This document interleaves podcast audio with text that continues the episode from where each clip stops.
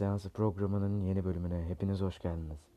Bugün c- gönül ister size yepyeni, yepyeni mikrofonumdan sesleneyim. Maalesef olmadı.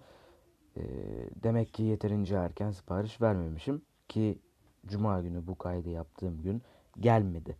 Hala daha yeni mikrofonum. Evet, yeni mikrofon aldım. Peki bunu neye güvenerek aldım? Ona da değineceğim bu bölüm içerisinde.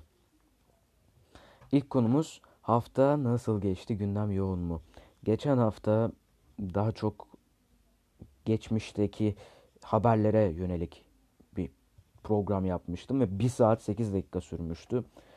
Çok da güzel izlen, izlendi. 16 iz, 16 kişi dinledi. Yani 16 kişiye ulaşmış olmak çok mutlu ediyor beni. Ayrıca Ayrıca her geçen gün dinleyen sayımız da artıyor. Burada beni heveslendiren ve benim bu programları yapmak için özgüvenimi getiren en büyük en büyük şey yani. Böyle söyleyeyim size. Hafta nasıl geçti? Hafta çok yoğun geçti. Gerçekten yoğun geçti. Benim için pek yoğun değil. Yoğun değildi. Öyle söyleyeyim. Haftaya perşembe inşallah tabi. Haftaya perşembe İstanbul stüdyolarımıza dönüyoruz. Orada bilgisayar üzerinden kayıt yapacağım. Yepyeni mikrofonumu inşallah pazartesi günü sizlerle birlikte test edeceğiz. Sizlerin sunumun sizlere sunacağım yeni mikrofonumu. Evet. Radyo bitti mi? Biter mi? Hı. Benim mikrofon almaktaki en büyük dayanağım ve güvencem buydu. Radyo bit radyo radyo olarak biter. Bitti hatta. Ama podcast olarak devam eder. Yani şöyle söyleyeyim eskiden Arkası Yar diye bir program vardı. İşte radyo tiyatrosu vardı direkt TRT'nin yaptığı. Bunlar vardı. Şimdi onların hepsi televizyona taşındı. Fakat bu radyoculuk benim yaptığım iş, podcast işi asla bitmez. Neden? Çünkü bunu Ocakbaşı programında da anlatmıştım. İnsanlar dinlemeyi asla bırakmadılar ve bırakmayacaklardı. Televizyon çıktı bıraktılar diyebilirsiniz. Ama şunu unutmayın. Televizyonu açıyorsunuz. Telefona bakıyorsunuz. Onu izlemiyorsunuz. Onu dinliyorsunuz. Ya haber kanalını açıyorsunuz ya dizi diziyi açıyorsunuz. O dizi işte radyo tiyatrosu gibi. Öyle düşünün.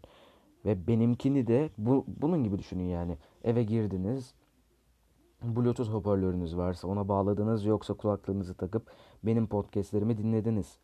Benim podcastlerimi dinleyerek ödev yapabilirsiniz. Benim podcastlerimi dinleyerek yolculuk yapabilirsiniz. Mesela radyonun bitmemesindeki en büyük sebep bu. Siz araba sürerken bir şeyi izlemekten izleyemezsiniz. Öyle değil mi? İzlerseniz izlememenizi tavsiye ediyoruz en azından. Ama bir şeyler dinleyebilirsiniz. Bu radyo olur, müzik olur ya da ilginçlikler silsilesi olur. Benim tavsiyem size yolculuk yaparken ilginçlikler silsilesini dinlemeniz. Çok güzel programmış bir arkadaşım bahsetti bana da. Sonuç olarak velhasıl kelam radyo radyo olarak biter. Ama bu şekilde podcast olarak devam eder. Bunu da söyleyelim. Fox'ta seslendirmen olarak işe girecek miyim? Evet gireceğim arkadaşlar. Buradan da müjdeyi vermek istiyorum. Ee, tabii bu işin şakası. Ama benim tabii ki amacım bu ilginçlikler silsilesi çatısı, çatısı altında kendimi büyütüp büyütüp daha açık denizlere yelken açmak benim asıl amacım, asıl isteğim. Beni bu iş için motive eden şey de bu. Yani diyelim bir gün TRT'de, TRT Türkü'de program yapmaya başladım. Olmaz diye bir şey yok. Ha, TRT kalırsa tabii. Ya da başka bir yerde bu şekilde radyoculuk yapmaya başladım. Ya da bu podcast işi büyüdü. İlginçlikler silsilesi daha büyük bir ev oldu ve artık ev olmaktan çıkıp çok güzel bir kasabaya dönüştü. Böyle bir şey olabilir. Olamaz diye bir şey yok. Bunun olmasındaki en büyük araç sizsiniz. Bunu söyleyeyim. Siz ne kadar benim reklamımı yaparsanız ben de o kadar fazla kişiye ulaşır. Yakında küçük bir bir artı bir bir evden ziyade bir kasabaya dönüşür ilginçlikler silsilesi. Onu söyleyeyim. Yani bu podcast işleri benim için çok güzel bir iş. Nasıl yani? Ben normalde konuşmayı seven bir insanım. Bunu söyleyeyim. Çok fazla söyleyeyim dedim. Farkındayım. Yani ben çok fazla konuşmayı seven birisiyim. Fakat konuşacak kalitede insan bulamıyorum. Hala daha bulamıyorum. Şu anda da e, kendi kendime konuşuyorum yani öyle söyleyeyim size. Bunun da kendi kendine konuşmaktan pek bir farkı yok. Fakat fakat e, sizi dinleyen birileri var bu sefer. O güzel oluyor. Kendi başınıza konuşuyorsunuz ama eninde sonunda o zırvada, zırvaladıklarınız birisinin kulağına ulaşıyor. Bu da çok mutlu ediyor insanı. Yeni format fikirleri var. E, bu işi yaptıkça aklım aklımıza aklıma aklıma birçok fikir geliyor. Çok fazla fikir geliyor hatta. Ama bunları yapacak insan bulmak zor. Vakit bulmak, vakitte sıkıntı yok zaten. Günlük bir saatimi falan ayırıyorum ben bu işe. Bir saat bazen iki saate çıkıyor. İşte bir saat kayıt, iki saat, ik, ikinci bir saatte de dinleme falan filan. Bunlar benim sadece iki saatimi alır. En fazla iki saat o da. Yani vakitten benim bir sıkıntım yok. İnsandan bir sıkıntım var. Ee, yani benimle bu programları yapacak bir insana ihtiyacım var. Mesela hangi insan? Hangi insan diye bir şey yok. Ne için insana ihtiyacım var? Bir, münazara formatı. Münazara.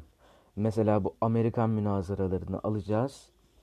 Ya böyle parodi gibi bir şeyler yapacağız ya da nasıl desem öyle gerçekten bir konu hakkında münazara yapacağız. Ama bu münazaralar öyle evet size 3 dakika veriyorum efendim bu kadar konuştunuz. Aa tamam tamam konuşmanız bitti şimdi size söz veriyorum. Tamam okullarda yapılan münazara bu olabilir. Ama bizimki daha çok kahvehane münazarası gibi ol, olmasını istiyorum ben. Çünkü asıl eğlenceli olan münazara o yani barışçıl şartlar içerisinde münazara yapmak kötü. Sonuçta bir, birbirinizin birbirinizi sinirlendirmeye çalışacaksınız. Birbirinize saldıracaksınız. Naif konuşmak pek mümkün değil münazaralarda. Olmamalı da zaten münazaranın nasıl şeyi. Karşı tarafı sinirlendirip küçük duruma düşürmek ve buradan münazarayı kazanmak. Ha, etik mi değil mi bu tartışılır. Ama şüphesiz işe yaradığı kesin. Münazara formatı velhasıl kelam bunu yapmak istiyorum. Söyleşi formatı. Yani mikrof hazır mikrofonumu da aldım. Belli başlı insanları mesela engelli insanları ya da siyasetçi siyasete atılmak isteyen insanları tabi büyüdükçe siyasetçiler olur ya da doktorlar olur ya da hemşireler olur. Mesela şöyle bir ortamda Covid-19'un oluşturduğu bir ortamda hemşirelerle bir söyleşi yapmayı ben çok isterim mesela. Tabii insan ve ün lazım bunlar için. Seni kaç kişi dinliyor? 10 kişi dinliyor. E ben senin programına niye geleyim? Demez mi insan? Ha burada sakın şunu düşünmeyin. Aa bak çok az kişi dinlediği için ağlıyor. Hayır öyle öyle bir şey yok. Ağlamak falan filan mevzu beis değil. Ama şunu istiyorum sizden. Daha fazla kişiye ulaştırın bunu ki daha farklı formatlar ve daha ilginç formatlar, daha işe yarar formatlar ortaya çıkartabileyim. Bu. Ha paylaşmadınız, paylaşmazsanız ne olur? Çok güzel bir şöyle ev ortamı oluşur. Çok güzel bir arkadaş ortamı oluşur. Ya da samimiyete girmeyelim derseniz çok güzel bir sohbet ortamı oluşur. Ve biz de burada kakara kikiri eğlenmeye devam ederiz. Dediğim gibi ek formatlar için daha fazla insana ulaşmam gerekiyor benim için. Ha tanıdık bir hemşire bulurum. Onunla yaparım. O da zaten kaç kişinin beni dinlediğini pek umursamaz. Hop çok güzel bir program ortaya çıkar. Bunu yapmaya çalışacağım aklımda. Şarkı türkü sohbet programı yapmak istiyorum. Şarkı türkü sohbet programı. Yani işte TRT Türkü gibi düşünün. Aralarda böyle hikayeler ya da haberler, haberler hakkında yorumlar. Gündem hakkında yorumlar, gece seansı olur o. Yani şunu düşünebilirsiniz. Gece seansı formatı belli başlı konular var. Siyaset var. Ülke içi siyaset var. Uluslararası siyaset var. Bir de kültür konuları var. Yani kültür dediğim siyasetin kül, siyasetin etkilediği kültür haberleri var. Bunlar var. Bunlarla birlikte yanında şarkı, türkü de verebileceğim formatlar yapmak istiyorum. Çünkü özeniyorum o radyolardaki programlara. Gerçekten özeniyorum. Tabi bunun önünde birkaç birkaç tane engel var. Birincisi ve en önemlisi telif hakkı mevzusu. Ama diğer daha önemli olan kısım ise benim yaptığım formatların, yaptığım şeyler içerisinde müziğin olması hiçbirimizin yararına değil. Ha vakti uzar tamam ama vaktinin uzaması benim için o kadar eksi. Sizin için de o kadar eksi. Siz zaten normal hayatınızda müzik dinliyorsunuz ve istediğiniz müziği dinliyorsunuz. Fakat ben burada sizi bir müziği dinlemeye mecbur bırakmış olacağım. O da kötü. Bu yüzden bu format üzerine birazcık daha düşününce formatın ne kadar kötü olduğunu anlayabiliyorsunuz yani. Radyoyu açıyorsunuz. E kardeşim ben daha güzel müzikler dinliyorum. Ama ben buraya senin konuşmanı dinlemek için geldim. Sen bana dandirikten müzikler iteliyorsun. Benim dinlemek istemediğim müzikleri bana zorla dinletmeye çalışıyorsun. Ben bunu ben bunlar yaşansın istemiyorum. Bu yüzden sadece böyle sohbet, muhabbet, haber yorumları falan filan olsun. Onun haricinde de siz gidin istediğiniz müziği dinleyin. Zaten Spotify üzerinden yapıyoruz bu for, bu programı. Siz de bir sağa atlayıp oradan hemen dinleyebilirsiniz müziklerinizi. Yeni mikrofonu aldım aldım dedim. Peki niye hala aynı sesle duyuyorsunuz beni? Şu yüzden hala daha mikrofonum elime gelmedi maalesef. Ee, çarşamba günü sipariş verdim. Perşembe günü kargoya verildi ve yola çıktı. Bu sabah Ankara'ya ulaşmış. Ankara dağıtım merkezine ulaşmış. Ankara dağıtım merkezinden de yola çıkıp Marmara'ya geliyor şimdi. Büyük ihtimalle Eskişehir'de bir ara merkez var. Ara dağıtım merkezi var. Oraya bırakacaklar. Eskişehir'den de Bilecik'e mikrofonumuz gelecek. İnşallah diyorum yarın elime ulaşacak. Telefona bağlayıp çok güzel bir yayın, çok güzel bir program sizlere vermeye çalışacağım. Peki yeni, neden yeni mikrofon aldım? Daha profesyonel kayıtlar yapabilmek için. Ben bu kayıtları hep kulaklık mikrofonundan yapıyordum. E kulaklık mikrofonun kay- kaydı da yani kalitesi de bir belli. Ona rağmen bu Oppo'nun Oppo Oppo telefonun içinden çıkan kulaklığın kalitesi, mikrofonun kalitesi ve kulaklığın kalitesi de ayrı bir güzelmiş. Yani bakın şu anda konuşuyorum ve tam olarak 50 bölüme yakın 50 bölüme yakın bölüm yaptım ben. Bu mikrofonla yaptım. Ve hala daha sesten şikayet eden birileri olmadı. Çok güzel. Bu benim için çok güzel. Fakat daha profesyonel işler yapabilmek için, daha dediğim gibi daha açık denizlere yelken açabilmek için daha kaliteli bir mikrofona ihtiyacım vardı. Ha bu mikrofona da şu teşekkür etmek isterim çünkü yaklaşık bir ay hatta bir aydan da fazla bir süredir benim kahrımı çekiyor, benim sesimi kaydediyor. Teşekkürler canım canım mikrofonum. Hangi Ha, şunu da söyleyeyim bu arada. Bu mikrofonda ufak bir dip ses sorunu var. Dip ses sorunu çoğu mikrofonda var. Telefondan bu dip ses sorununu halledemediğim için bilgisayara ihtiyacım var. Audacity programına ihtiyacım var. Orada sesi düzenleyebileyim diye. Ha telefonda da öyle bir program buldum. Onunla bir deneyeceğim onu da. Şu anlık yapmıyorum onu riske girmemek için. Bu programı riske atmamak için. Şu anlık o programı kullanmıyorum. O yüzden şu anlık dip ses sorunu var bunu biliyorum. Yeni program belki cumartesi gelir. Cumartesi günü yayınlanacak Atış Serbest programında da çok güzel bir ses ile sizlere güzel bir içerik sunabilirim. Evet. Ee, hangi mikrofonu aldım peki? Behringer C1U mikrofonu yaklaşık 530 lira. 530 lira birazcık tuzlu gelebilir. Bana da öyle geldi. Fakat ufak bir düşündüm. Dedim ulan Onur sen bu işi yapacaksın ama bir gün yuvadan uçup gideceksin elbet. Bunun, bu iş için bunun için de güzel bir mikrofona ihtiyacın var senin dedim ve bunu aldım. Şimdi kayıt için kayıt için uygun bir ortamım yok. Bildiğiniz ev ortamı. Ama Şunu yapabilirim. Gardırop ya da bazayı boşaltıp içine battaniye yığıp içine girip orada çok güzel kayıtlar yapabilirim. Ama bu da beni terletmekle meşgul. Bir saat boyunca kapalı bir ortamda, tamamen klostrofobik bir ortamda kaldığınızı hayal edin ve bu ortamda konuşmak zorundasınız. Efor sarf etmek zorundasınız. Bu beni öldürür. Çok ciddi söylüyorum. Bu beni öldürür. Bu yüzden değişik bir mesela çarşamba günü bir program yayınladım. O programı daha değişik bir ortamda kaydetmiştim. Ama bok gibi ses geldi. Affedersiniz. Yani kötü bir ses geldi. Gerçekten kötü bir ses geldi. E, en temizi bildiğin yolmuş. Ben hala oturduğum yerden yanında bir tane du- duvar var. Diğer taraf oda bomboş ama çok fazla koltuk olduğu için güzel bir yalıtım sağlıyor aslında bakarsanız. Ve duvar dibindeyim. O da bir şeyler sağlıyor. Bu da güzel bir kayıt ortamı yaratıyor en azından. Ama ev içi ses olduğu için de birazcık sıkıntı. Ama zaten profesyonel bir iş yapmadığımız için bu da bir ölçüye kadar karşılanabilir durumda. Behringer C1U'yu alıp 530 liralık bir yatırım yaptım ben bu işe ve şunu da eklemek isterim ki benim bu işten hiçbir kazancım yok ve büyük ihtimalle de olmayacak. Yani Umarım gerçekten güzel bir kayıt yaparız. Güzel bir ses çıkar ortaya. Ve boşu boşuna para vermiş olmam. Boşu boşuna 530 liramı mikrofon için harcamış olmam. Umarım. Ve şunu anladım ben bu süreç içerisinde.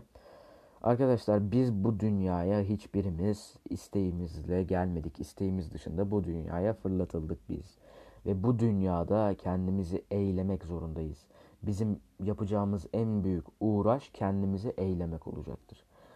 Ben de burada kendimi eğiliyorum. Kendimi eğlerken de sizleri de bu iş içerisinde katıp sizleri de eylemeye çalışıyorum. Ve benim kendimi eylemek için neye ihtiyacım vardı? 530 liralık bir mikrofona ihtiyacım vardı. Neden?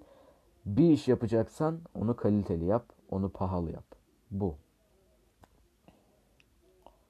incelemelere ve yorumlara baktım tabii ki. Hatta BM800 diye bir mikrofon vardı. Ona çok düşündüm. 270 lira 77 liraydı. Daha uygundu. Ama bir arkadaşımda daha vardı o mikrofon ve bana bir ses kaydı attı ve benim mikrofonumdan çok da bir farkı olmadığını ben anladım. Yani dip ses sorunu hala var ve ses kalitesini de pek değiştirmiyor. Bu yüzden aslan mikrofonum deyip devam ediyorum podcast işleri için ucuz fiyata alınabilecek en iyi mikrofon. Ucuz fiyat dediğinin dediğim 500 lira mı Onur? Evet 500 lira. Çünkü daha profesyonel mikrofonlar için 1000 lirayı 1500 lirayı gözden çıkartmanız gerekiyor. Ki bu da çok fazla bir para. Çok fazla bir para. Benim için orta seviye çok güzel bir mikrofon. Evet öğrenci evleri dediğiniz zaman aklınıza ne geliyor? Benim aklıma dolapta pörsümüş, sulanmış bir yoğurt, işte böcek bağlamış bir makarna ya da küflenmiş ya da küflenmiş dediğim böyle taş olmuş bir çorba. Benim aklıma bu geliyor. Neden? Öğrenciler yemek yapmayı bilmiyorlar. Tamam. Bilmiyor olabilirsiniz. Bilmiyor olabilirler. Ama bu güzel bir yemek yemek için engel bir durum değil. Her akşam ulan yemek yapmayı bilmiyoruz. Bu akşam da bir pizza söyleyelim. Bu akşam hamburger söyleyelim ondan sonra cahreyn oluyorsunuz işte. Ha, büyük ihtimalle cahreyn'in sebebi fast food yemekten değil. Ama olsun. Yani öyle bir hale bürünüyorsunuz. Diyeyim. Hep dışarıdan fast, fast food yerseniz bu hale bürünüyorsunuz. Ama şu da var. Ben A101'i ve BİM'i çok kullanan bir insanım. A101'e gittiğimde ne var ne yok iyice bir göz gezdiririm. Daha önce gittiğimde, yeni gittiğimde hatta yaklaşık yarım saat önce gittim ben A101'e. Şöyle bir baktım neler var neler yok diye. Haşlanmış bezelye var. Haşlanmış patates var. Haşlanmış kuru fasulye var. Kardeşim mis gibi şeyler bunlar. Mantı, hazır sarı, hazır yapılmış mantı. Hazır sarılmış sarma. Vay maşallah maşallah. Yani eve al Kuru fasulyeyi ıslat, onu kaynat falan filan. Bunların hiçbirisine gerek yok. Alıyorsunuz Oradan kuru fasulye, haşlanmış kuru fasulyeyi tencerenin içine döküyorsunuz. Salça, yağ, tuz, hafif bir kavur. Hop, al afiyet olsun. Aynısını bezelye için yap. Aynısını patates için yap. Barbunya pilaki var kardeşim konserve içerisinde. Yani her akşam pizza yemektense al o bir, bir konserve barbunyayı. Yanına da yoğurt al. Hop bir ondan bir ondan. Afiyet olsun mis gibi. Ekmek de al. Yani taş çatlası o barbunya 5 liradır. Fiyatını hatırlamıyorum. Hadi yo- yoğurt yerine ayran al 1 lira. Ekmek 1.25 lira. 1.25 lira. Topla 7 lira 25 kuruş. Senin günde harcayacağın para. Hamburger alıyorsun. iki tane hamburger almak zorundasın. Yanında kola almak zorundasın ki şişirsin doymuş gibi hissedesin. E doymuyorsun ki sen onları yiyince. yani artık öğrenciler güzel yemek yiyemiyoruz diye isyan etmesinler. Bunu yapmasınlar. Yapması aşırı basit bunları ki yaptık. iki sefer yaptık. Bir kere bezelye aldık. iki seferde kuru fasulye aldık. Yapması inanılmaz basit. Demin anlattığım gibi. Ve tadı da aynı ev yemeği gibi ve hiçbir eklentisi yok. Çok güzeller. Ayrıca şunu da söyleyeyim. Hazır boyoz, hazır ıspanaklı börek, peynirli börek. Bunlar var A101'de. Nimet diye satılıyor. Gidin alın. Şu boyozun tadına özellikle mutlaka bakın. Hatta bir boyoz ta- tavsiyesi de vereyim. Gidin A101'den o nimet boyozunu alın. Tamam mı? Orada arkasında zaten tarifi yazıyor.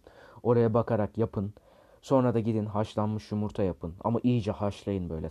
İçi sert olsun. Yani kayısı kıvamı değil. Ama yeşillenmesin de. Şöyle güzel bir güzel şekilde bir kaynatın onu. Haşlayın yani. Ve boyozla birlikte yiyin. Muhteşem oluyor. Yanına da çay. Muhteşem.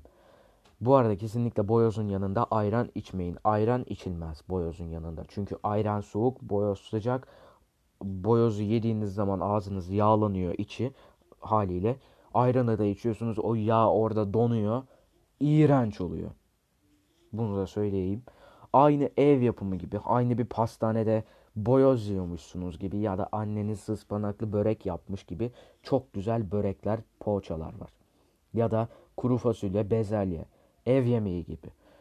İsyan edip güzel yemek yiyemiyoruz ulan her akşam pizzaya talim ediyoruz demeyin boşu boşuna. Gidin onları alın mis gibi ev yemeklerini yiyin. Ha bu arada şunu da söyleyeyim ben A101'den kesinlikle para almadım bunun için ki neden para alayım bu iş için yani. Sadece bir tavsiye veriyorum belki bilmeyen vardır diye. Ya da A101'e gitmeye çekinenler vardır diye bunları da söyleyeyim. Siz de gizliden tebdili, tebdili kıyafet giyerek A101'e sızabilirsiniz güzelce. Oradan alışverişinizi yapabilirsiniz. Fiyatları da çok uygun. 7,5 liraydı galiba bir haşlanmış kuru fasulye. Hı. Emek işte yani emek. Metro turizm olayı. Onu görmüşsünüzdür. Daha dün yaşandı. Metro turizmde bir tane muavin oturmuş böyle bir tane koltuğa. Yan sırada da bir tane 17 yaşındaki bir genç kıza bakarak 31 çekiyor. Metro turizm. Ki bu ilk defa yaptıkları olay değilmiş. Ben çok saf olduğum için daha önceden bilemiyordum tabi. Ama bu olay çık çıkınca Twitter'dan neler döküldü neler. Kardeşim abi siz otobüs şirketi olduğundan emin misiniz yoksa Kamşat özel mi çekiyorsunuz bunları? Hayır. Nasıl bir şerefsizsiniz siz bak marka olarak diyorum. Nasıl bir şerefsizsiniz siz ki bu video internete yayıldı ve siz şunu dediniz. Videoyu kaldırın çünkü imajımız zedeleniyor. Yüze boşalma olmadığı için herhalde. O yüzden imajları zedeleniyormuş normalde çünkü hep onu yapıyormuş şerefsizler.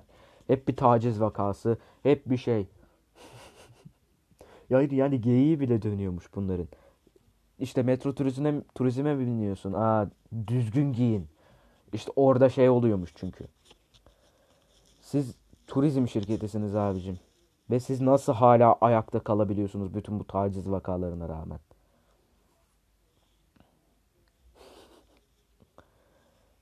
Allah'ım ya Rabbim. Yani bu olay çıkmasa metro turizme binip yolculuk yapacağız bir de. Abicim tacizci firmaymışsınız siz. Çalışanınızı da göndermediniz. Ha, gö- büyük ihtimalle göndermişsinizdir de basına düşmemiştir. Doğru. Evet. Evet. Güzel bir haber. Güzel dediğim kime göre güzel, kime göre değil bilemiyorum. Ama önemli bir önemli bir haber. Haftaya damgasını vuran ve çok konuşulan bir haber. Ortaokul 5. ve lise, lise 9. sınıflar yüz yüze eğitime başlıyor. Bu ne kadar doğru karar tartışılır. Hadi gelin tartışalım. Tabii kendi kendime argümanlarımı sunacağım. Siz de kendi argümanlarınızı bana mail olarak atabilirsiniz tabii. Mailimi de bu podcast'ın açıklamasına yayın atıyorum. Bu arada Google Podcast'ten falan dinliyorsanız bu şeylere ulaşamıyorsunuz. Açıklamalara ulaşamıyorsunuz. Ama ya Anchor'dan ya da Spotify'dan dinleyerek bu açıklamalara ulaşabilirsiniz. Anchor'dan dinlemeniz tavsiyemdir. Neden tavsiye ediyorum? Ocakbaşı programında da bunu anlatmıştım. Şimdi tekrar anlatayım. Anchor uygulamasında ben bunları şey olarak kaydediyorum. Gece seansı programı haricinde bu arada. Ben bunları segment segment kaydediyorum. Mesela Ocakbaşı programında başlangıç, şu hikaye, bitiş. Mesela benim gev gev yaptığım kısımları dinlemek istemiyorsanız başlangıcı atlarsınız. Direkt olarak hikayeye geçersiniz. Ardından hikaye bittiği an bitiş veda kısmına geldiğim zaman da siz de direkt olarak podcast'i kapatabilirsiniz. Yani Spotify'da 10 saniye 10 pardon 15 saniye ileri git 15 saniye ileri git demekten ziyade benim Anchor'dan podcast'ımı açıyorsunuz. Bölüme tıklıyorsunuz. Önünüze bir böyle pembe gibi bir ekran geliyor. O pembe ekranda zaten konu başlıkları belli. Başlangıç. Onu sola doğru atıyorsunuz. Hop hikayeye geliyorsunuz. Bir daha sola atıyorsunuz. Bitiş kısmına geliyorsunuz. Budur. Bu yüzden sizi Anchor'a davet ediyorum. Anchor'da daha stabil ve daha kullanıcı dostu bir ortam var. Daha başka podcastler de var. Buradan bakabilirsiniz onlara da. Yani tavsiye ederim sizlere de. Anchor'a gelmenizi. Anchor'a gelip siz de kendi podcast'inizi yapabilirsiniz. Bunu da söyleyeyim. Ben bu programı Anchor üzerinden yapıyorum. Başka kayıt programında kaydedip Anchor'a da atabilirsiniz ama ben onu yapmıyorum. Ama yapmayı düşünüyorum. Yapmayı düşünüyorum çünkü ses üzerinde oynamalar yapıp neler olacağına bakacağım. Ha bunları kısa bölümlerde yaparım. Gece seansı bölümünü riske atmam. Çünkü uzun kaydediyorum ve bunu zor olur. Anlıyor musunuz? Kaybedersem zor olur. Sıkıntı olur. Ben bu podcast'i, ben bu bölümü diyelim bir saat kaydedeceksem o sıkıntıdan ben bu bölümü 5 dakika kaydederim. Onu da atarım. Sinirim bozulur çünkü. Bunu söyleyelim. Heh. Ortaokul 5. ve lise 9. sınıflar yüz yüze eğitime başlıyor. Ne kadar doğru karar. Şimdi efendim bakınız. Yüz yüze eğitime başlamak herkes için iyi diye bir şey yok. Bunu kafanızdan bir çıkartın. Çünkü şunu söyleyelim. İnsanlara, çocuklara yani bizlere, bizlere istemediğimiz dersleri gösteriyorlar. Mesela nedir? Mesela resimdir. Mesela müziktir. Mesela bedendir. Ha beden bir yere kadar yararlı olabilir gerçi. İşte müziktir, resimdir, sosyal etkinliktir, proje hazırlamadır. Proje hazırlama da güzel. Hadi proje hazırlama ve beden derslerini bir kenara koyalım. Ama sosyal etkinlik diye bir ders koyuyorsunuz. Çocukların kafası dinlensin diye. Kardeşim bunun bunun yerine bizi 90 dakika daha erken eve gönder. E daha çok kafamız dinlensin bizim. Doğru değil mi? Yüz yüze eğitimin, daha doğrusu müfredatın böyle bir sıkıntısı var. Online eğitim bile olsa bu dersleri koyuyor. Online eğitim bile olsa resim dersini, müzik dersini koyuyorlar. Niye koyuyorsunuz ya? Niye? Hayır, hoca da girmiyor ki 5 dakika bir şey konuşuyor. Ondan sonra da çıkıp gidiyor. Burada küfür, küfür de edebilirdim ama etmeye, etmemeye çalışacağıma birisine söz verdim. Bu yüzden etmiyorum. Hem daha iyi olur. Yani kardeşim ben bu dersleri çekmek zorunda değilim. Hocayı beğenmedim. Bu yüzden derse girmek zorunda değilim. Benim daha iyi eğitim alabileceğim imkanlar var. Hocalara geldik boşuna mı duruyor orada? Kan Akademi boşuna mı duruyor orada? ya da farklı farklı kan farklı farklı kanallar, farklı farklı uygulamalar boşuna mı duruyor orada? Ha derse gireceğim, not alacağım. Bakın size öğrenci arkadaşlarıma, öğrenci akranlarıma da çok güzel bir tavsiye vermek istiyorum. Eğitim olarak şunları kullanabilirsiniz. Bakın. Periyodik tablo tablo of nasıl nasıl kaydı ama. Periyodik tablo uygulaması var. Bunu indirebilirsiniz. Çok ayrıntılı olarak, çok çok ayrıntılı olarak anlatıyor bütün elementleri. Çok ayrıntılı olarak anlatıyor. Lise ders notları Lideno diye bir uygulama var. Bu da adı üzerinde lise ders notları. 4 sınıf, 9, 10, 11, 11. sınıfların derslerinin bütün notları var bu uygulamada. Yani işte biyoloji notları, tarih notları, şu notları, bu notları. Derse girip not tutacağım demek yerine bu uygulamayı indirip orada tutulmuş olan notları okuyabilir, üzerine çalışmalar yapabilirsiniz. Ek olarak Han Akademi mi okunuyor, Kan Akademi olarak mı okunuyor hiçbir fikrim yok. Ben direkt Kan Akademi diyeceğim. K-H-A-N diye yazılıyor Kan Akademi. Bu uygulamayı tavsiye ediyorum sizlere. EBA'dan bıkmışsanız, EBA'nın dandirikten uygulamalarından, dandirikten videolarından bıkmışsanız bu uygulamayı indirip oradan bakabilirsiniz. Bu uygulama nedir? EBA'nın özel şirket tarafından yapılmış hali gibi düşünün. Ve daha kaliteli, daha kapsamlı olarak düşünün. Yani bu bakın Kan Akademi içerisinde hangi dersler var bunları da sizlere anlatmak isterim efendim. Mesela arama kısmına girdik. Matematik, sınav hazırlığı deyip buraya girebiliyorsunuz. Sınav hazırlığı, bilgisayar bilimi. Bakın hangi dersler var? Matematik, bilgisayar bilimi, fen bilimleri, ekonomi ve finans. Bu çok önemli. Sanat ve sosyal bilimler. Yani bakın sadece şey olarak düşünmeyin. Bu 10. sınıf, 11. sınıf olarak düşünmeyin. Beni dinleyen üniversite öğrencileri ya da üniversiteler ne işliyor diye merak edenler varsa bu uygulamadan bakıp matematik üniversitede üniversite düzeyi matematiğe bakabilirler. Üniversite düzeyi fen bilimlerine bakabilirler. Kodlama öğrenmek isteyenler ek bir kaynak olarak bu uygulamayı kullanabilirler. Ha şu anki müfredatımız ya da şu anki öğretmenlerimiz bizi bu uygulamayı tekrar için değil bu uygulamayı ders öğrenmek için kullandırıyor olabilirler. Ama idare edeceğiz bir şekilde. Yani de, demek istediğim şu velhasıl kelam sadete gelelim. Yüz yüze eğitim bir ihtiyaç değildir benim kanaatimce. Ö yeter ki öğretmen iyi olsun. Online eğitim üzerinden de çok güzel bir şekilde öğrencilerle ilgilenebilirler. Hatta şunu da söylemeliyim. O yüz yüze eğitimle belli bir süreye bağın, bağlantılı kalmak zorundalar. Öğretmenler ve öğrenciler.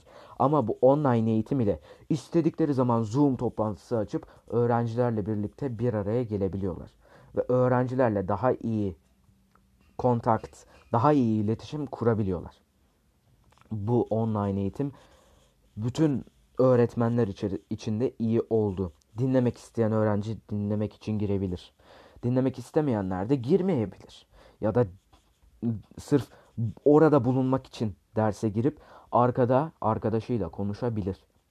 Bunu bu uygulamayı yani bu arkadaşıyla konuşmayı normal yüz yüze eğitimde yasaklıyorlar. Neden? Sınıfın iç huzuru bozuluyor çünkü. Değil mi? Ama burada sınıfın iç huzuru bozulmuyor.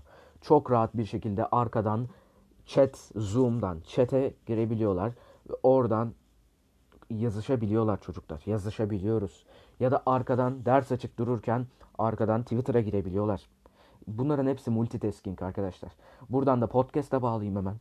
Podcast da bu iş için. Yani siz benim podcast'ımı açıyorsunuz. Ben burada gev gev yapıyorum. Siz de arkadan Twitter'a bakıyorsunuz.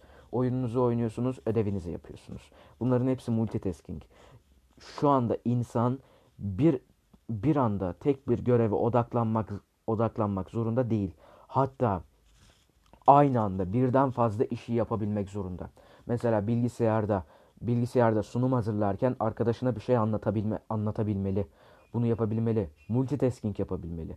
Birisini dinlerken o orada ödev yapabilmeli öğrenci için ya da birisini dinlerken o orada böyle sunum yapabil yazabilmeli. Ya da diyelim mahkemede mahkemede katip olarak işe girdiler. İşe girdiler. Orada böyle yazı yazarken hem hakimi dinleyecekler, hem sanığı dinleyecekler, hem avukatları dinleyecekler ve parmakları çalışacak. El göz koordinasyonu çok iyi olacak. Dinleme dinleme kabiliyeti çok yerinde olacak ve bunların hepsini aynı anda yapacak. Bunlar büyük meziyetler arkadaşlar. Ben burada oturup sadece konuşuyorum ve hiçbir şey yapmıyorum. Ama siz bunu dinlerken ödev yapıyorsunuz. Ya da oyun oynuyorsunuz. Ya da Twitter'da geziniyorsunuz. Bunların hepsi multitasking. Ve online eğitimde bunu buna yarıyor. Yani siz baktınız ders dersten sıkıldınız. O orada açık kalsın. Siz de açıp kitap okuyun. Ya da arkadan Twitter'a bakın.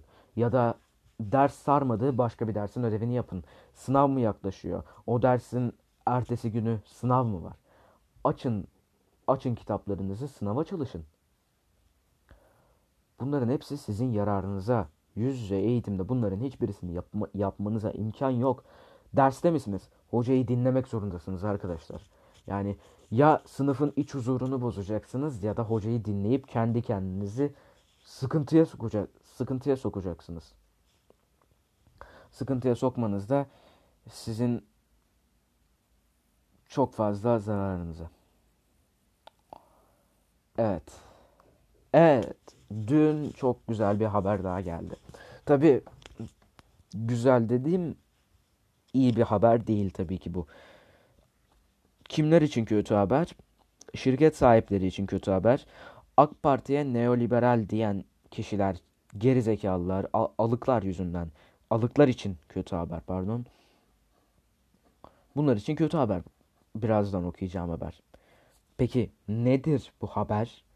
Devlet arkadaşlar artık istediği şirkete el koyabilecek. İlginç ama gerçek. Diyelim bir şirketiniz var. Gidiyorsunuz böyle tıkır tıkır. Hop devletin paraya mı ihtiyacı var? Hop ver bakayım sen o şirketi. Bütün mal varlıkları ile birlikte o şirketi bana ver. Daha öncesinde bir insanın kendi mülküne el konulduğunu görmüştük. Kendi mülküne, kendi özgürlük alanına el konulduğunu görmüştük. Can Dündar vakasında. Adam sırf haber yaptığı için bütün mal varlıklarına el konuldu. Kendi kazandığı paraya el konuldu adamın. Şimdi de artık bir şirkete el koyabilecek devlet. Hala daha liberal liberal liberal demeye devam edin siz AKP'ye. Alıklar, liboşlar sizi. Ha bu sosyalistlerin hoşuna gitmiş olmalı ki zaten kendileri özel sektöre karşılar. Onların hoşuna gitmeliler ve bir sonraki seçimde AK Parti'ye oy vermeliler. Zaten azınlık bir kesim iyice azınlaştılar. Azınlaşsınlar. Bir tane kadın vardı CHP'de. İşte özel mülkiyeti ortadan kaldırmalıyız diyordu. Git AKP'ye üye ol kardeşim. Çünkü senin yapmak istediğin şeyi yapıyor şu anda AK Parti. Şirkete el koyup onu devletleştirebilecek. Özelleştirdi. Onu özelleştirdi. Her tarafımız özelleştirildi. Kardeşim özelleştirilmesi herkesin yararına değil mi? Devletin sunduğu hizmete bak hastanelerde, okullarda. Okullardan o kadar soğuttu ki devlet bizi.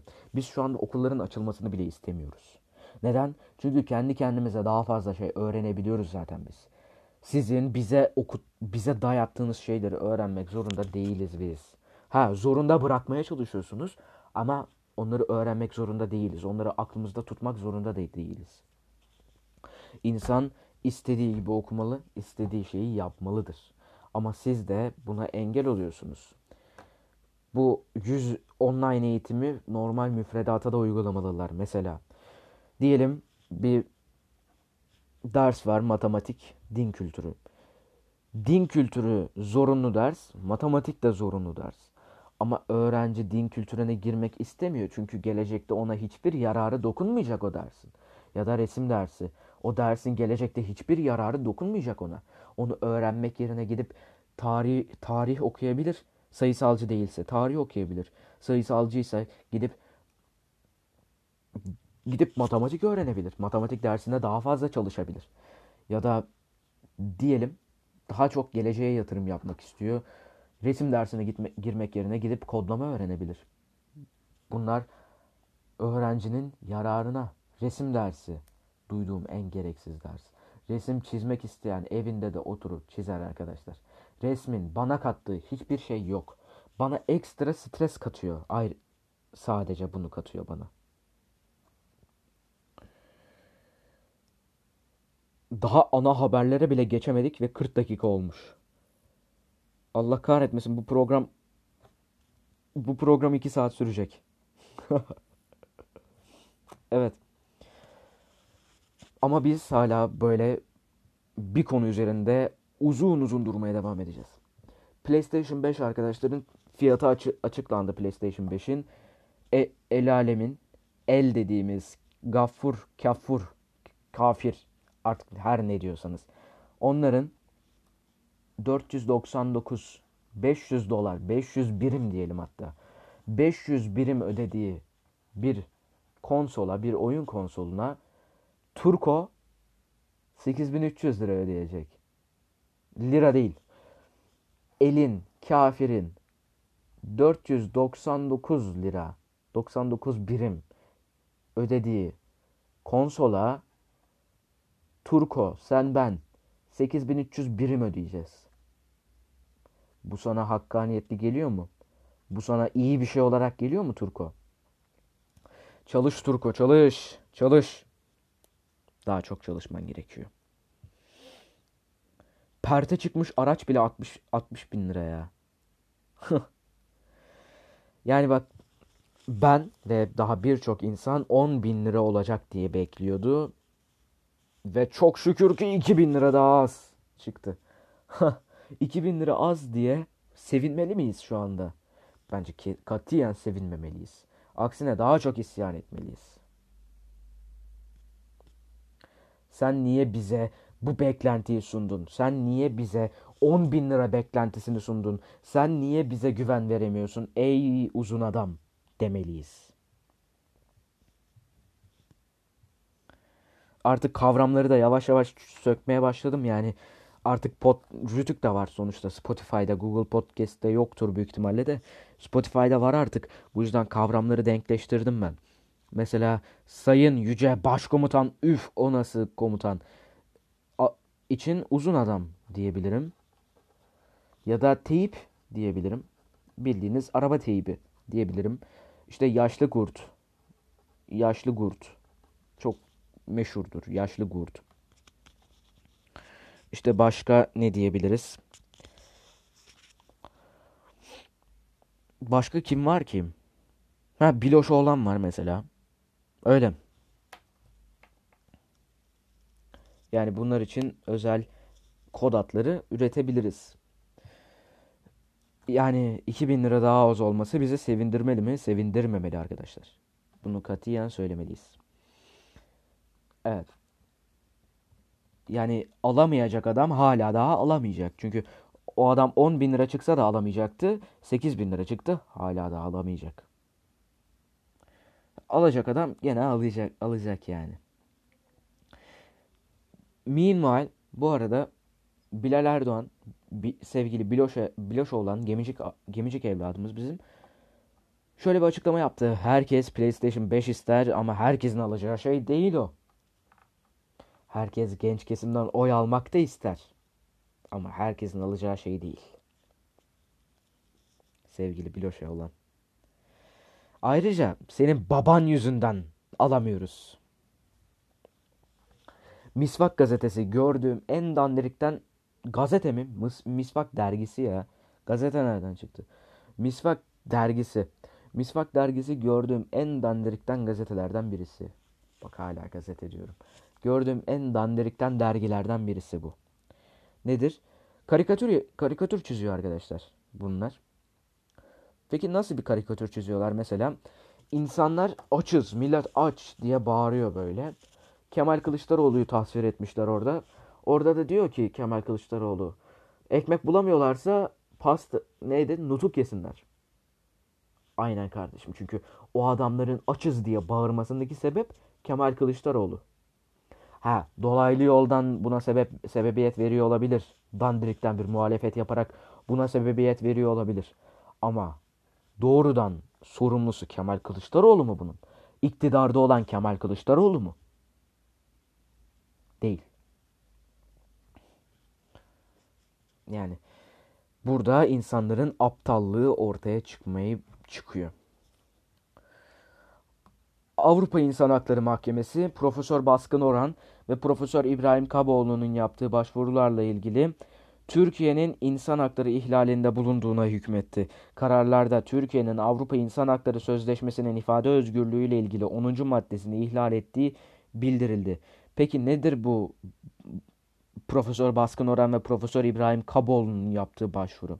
Şu, Orhan ve Kaboğlu Başbakanlık bünyesinde görev, görev yapan İnsan Hakları Dayanışma Kurulu'nda görevliyken 2004 yılında hazırladıkları azınlıklar ve kültürel haklarla ilgili rapor sebebiyle kendilerine siyasetçiler ve yöneticiler tarafından yöneltilen ağır hakaretler ve aşırı milliyetçi gruplar tarafından yönetilen ölüm tehditlerinin ardından Türkiye'deki başvuruları sonuçsuz kalınca Avrupa İnsan Hakları Mahkemesi'ne başvurmuştu.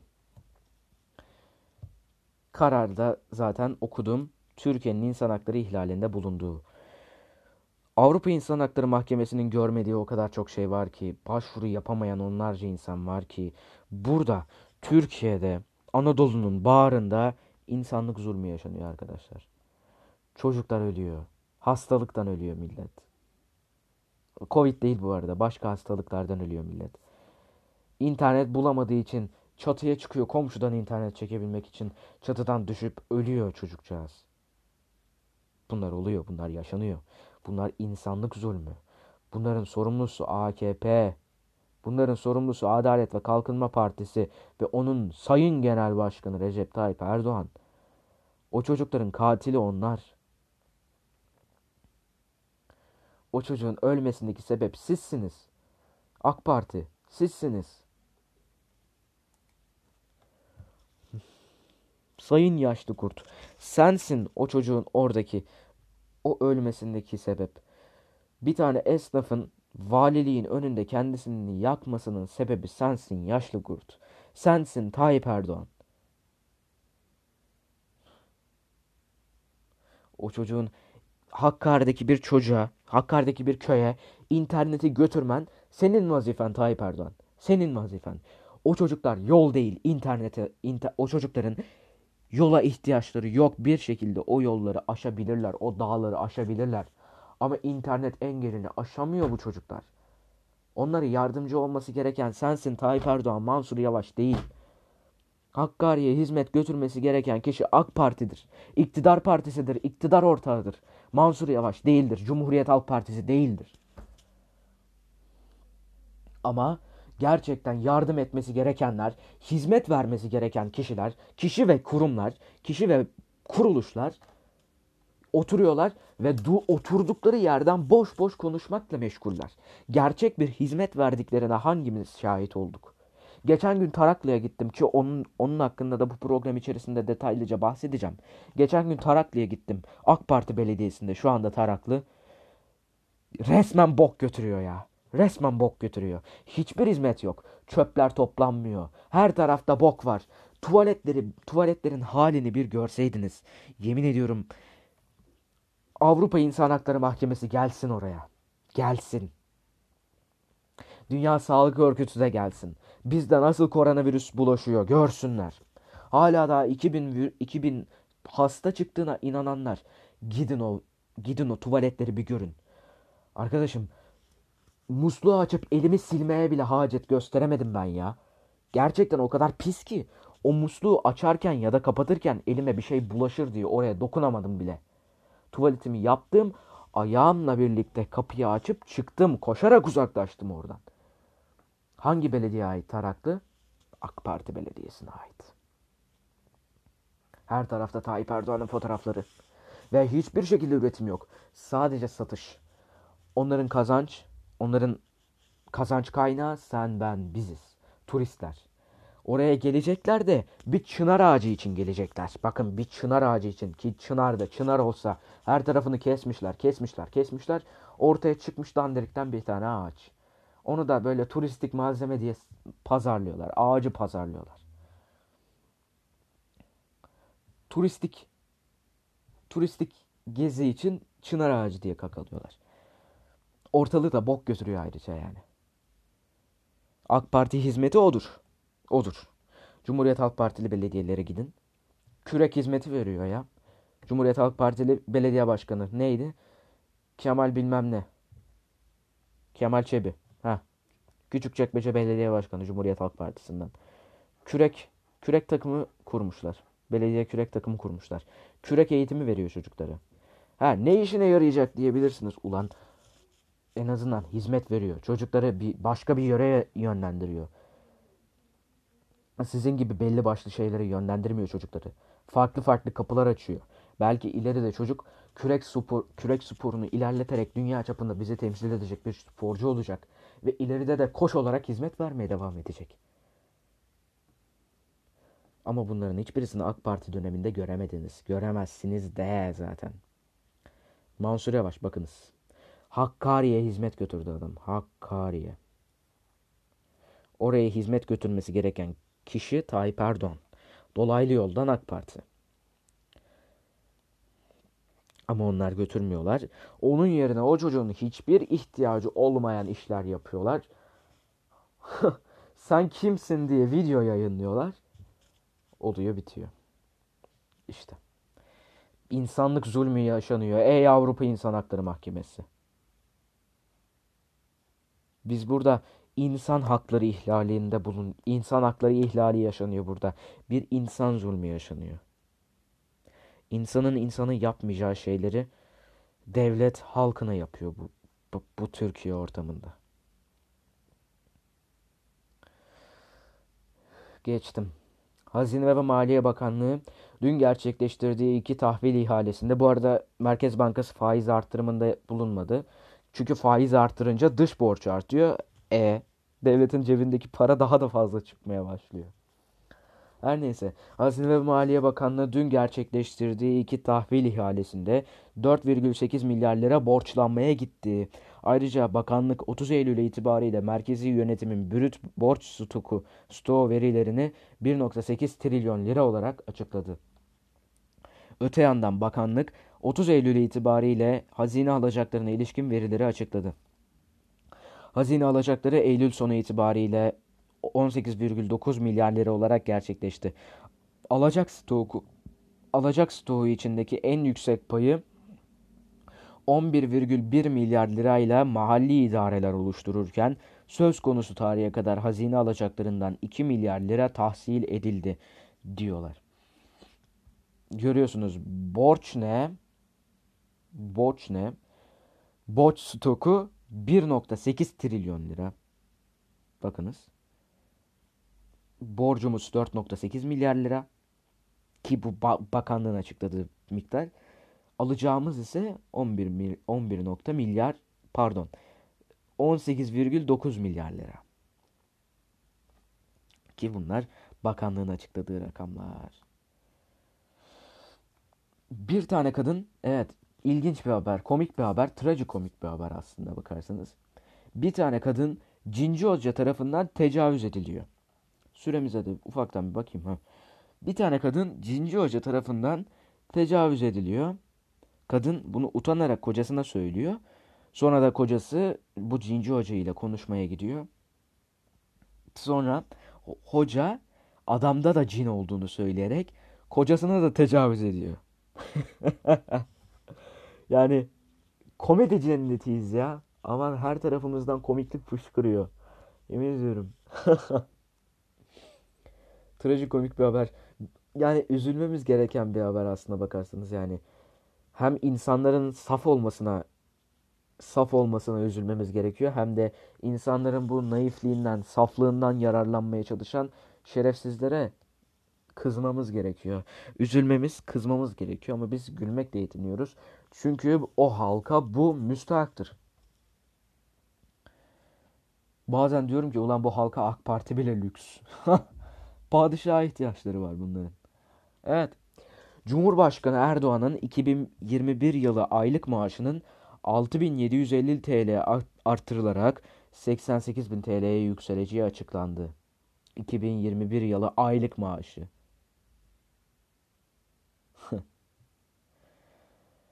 ya kardeşim şunu yapın 100 bin. Ne öyle fakir bin fakir gibi 8 88 bin TL alıyor koskoca Cumhurbaşkanımız. Yani Cumhurbaşkanıdır. Hak, ed hak ediyor sonuçta. Acayip önemli bir iş yapıyor. Herkesin yapamayacağı bir iş çünkü o. Yani Çünkü kendisi gözlemlenebilir evrenin lideri, Andalların ve ilk insanların hükümdarı. Evet, e, tek bir segment içerisinde kayıt sınırı 1 saat ki onu da doldurdum. 5 dakika kalmıştı dol, dolmasına. Ben de farklı bir kayıt açıp devam ediyorum. Evet. En son Cumhurbaşkanımıza övgüler düzüyorduk. En baştan başlayalım. Gözlemlenebilir evrenin lideri, Andalların ve ilk insanların hükümdarı, sonsuzluğun kralı, ümmetin aydınlık yolundaki ışığı, Vahabilerin daimi lideri, başkomutan, baş öğretmen, haşmetli liderimiz, hepimizin babası saygıdeğer, isminin birincisi Recep Tayyip Erdoğan'a bu maaş az bile. Yani bak kardeşim benden iki kat daha fazla vergi alın ama bu adamın maaşını yükseltin ya. Yani Meanwhile o sırada asgari ücretli şöyle düşüncelerle meşgul oluyor. Bu haberi izlerken şu düşünceler aklına geliyor. 1500 lira kiraya gitti. Elektrik, su, telefon faturaları 200 lira. Kış ise doğalgaz faturası 600 lira. Hanıma 100 lira para verdik. Çocuklara para, para kalmadı. Ufaklıkta internet istiyor. Ne yapsak ki? Şu, şu bacanaktan birazcık daha borç alayım ben. Bunları düşünmek zorunda kalıyor millet. Ayrıca bu millet ay sonunu düşünmek bile istemiyor. Düşünmek bile istemiyor. Çünkü ay sonu geldiğinde cebinde eksi 20 lira para var. Bakın 20 lira bile değil. Eksi 20 lira para kalıyor. Yani vergiler, işte kira, faturalar, oyuncaklar, alışverişler. Bunlar insanın boğazını sıkan şeyler. İnsanın boğazını sıkan şeyler bunlar. İnsanlar bu düşüncelerle meşgul olurken çok değerli, üf harika Cumhurbaşkanımız ise 88 bin lira maaş alıyor. Afiyet olsun. Üzücü bir haberimiz daha geldi. Usta gazeteci Bekir Coşkun'u kaybettik. Kendisi Cumhuriyet yazarıydı. Son zamanlarında da Sözcü'de yazıyordu. Ki fikirlerimiz, ideolojilerimiz uyuşmasa da kendisini ciddiyetle ve gerçekten yani önemli sayarak okuduğum bir yazardı. Mesela Yılmaz Özdil'i öyle okumam. Çünkü kendisi saçmalayan bir insan. Yani sevmem kendisini ki okurum. Neden? Çünkü karşıt argümanları okumak gerekiyor. Mesela bir yanda Sinan Meydan okuyorsanız diğer yanda Mustafa Armağan okuyacaksınız ki ne gerizekalılar var deyip okuduğunuza şükredeceksiniz. Ben de arada Yılmaz Özdil açıp okurum. Ne kadar mal bir insan deyip yazının yarısını da kapatırım. Çünkü kendisi şu şu şu boşluk, şu şu şu boşluk, şu şu şu anlayana deyip yazıyı bitiren bir insan. Kitaplarını okuduğum için pişman olmakla birlikte Sizlere de kesinlikle tavsiye etmiyorum. Yazılarını okuyun. Ufak ufak da olsa kafanızda canlanır. Ama Bekir Coşkun öyle değildi.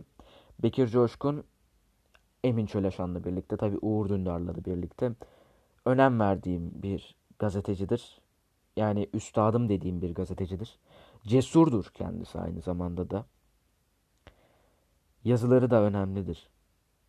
Yani sözün bittiği yer diyorsunuz ya bir insan hayatını kaybettiği anda sözün bittiği yer oluyor işte. Ama her gün 70 tane insan ölüyor. İnsan ölüyor. Bakanlık çıkıp matematik sorusu paylaşıyorlar. Pa- bakanlık, bakan, koskoca bakan matematik sorusu paylaşıyor. İşte İstanbul'daki vaka sayısı Türkiye'nin %40'ına eşit. Ankara'daki vakanın ise 5 katına eşit. Matematik sorusu bu ya.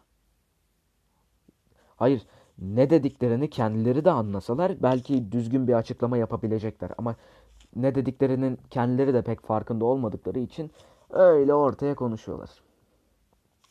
Artı bir haber daha söyleyeyim. Ee, İstanbul ili pandemi kurulu, top, kurulu toplantı, vali, emniyet müdürü falan filan geldi o toplantıya. Bilin bakalım kim gelmedi? Seçilmiş 16 milyonun seçilmiş belediye başkanı Sayın Ekrem İmamoğlu o toplantıya çağrılmadı. Ha dersiniz belki unutmuşlardır. Unutmak mümkün mü? Ama belki aceleye gelmiştir, çağıramamışlardır adamı dersiniz. Bursa'da da yaptılar aynı toplantıyı. Bursa'da belediye başkanı oradaydı. Hayır çağırmaya tenezzül bile etmemişler ya. Vali nasıl geliyor o zaman? Öyle. Evet. Ben de Twitter'da şöyle yazdım. Böyle bir durumda Bekir Coşkun'u kaybettiğimiz bir durumda yani cesur bir gazeteciyi kaybettiğimiz bir durumda ideolojiler ön plana çıkmamalıdır. İnsanlık öne çıkmalıdır. Kendisi cesur bir gazeteciydi. Yani bir liberal olarak kendisini saygıyla ve rahmetle anıyorum efendim. Ben bunu Cem Toker'in tweetinin altına yazdım. Cem Toker de tweetimi beğendi. Bir siyasetçiyle yakınlaştığım, e, en yakınlaştığım an. Cem Toker tweetimi beğendi. Diğer bir şey. Ersin Tatar Kuzey Kıbrıs Türk Cumhuriyeti Cumhurbaşkanı oldu. Kendisi AK Parti'nin valisi oldu sayılır. İnternete gidip Ersin Tatar propaganda yazıp bakabilirsiniz.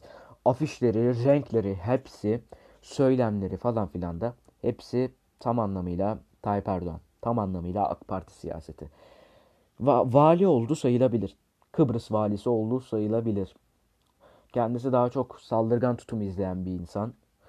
Bu yüzden Mustafa Akıncı'ya pek bir çok saldırdı. Mustafa Akıncı'yı da şu yüzden seçmedi bence Kıbrıs halkı. Ki zaten aşağı yukarı Mustafa Akıncı'nın verdiği vaatlerin benzerini Tayyip Erdoğan 2002'de yaptığı bir konuşmada söylüyordu. Şunu söyledi Tayyip Erdoğan 2002'de.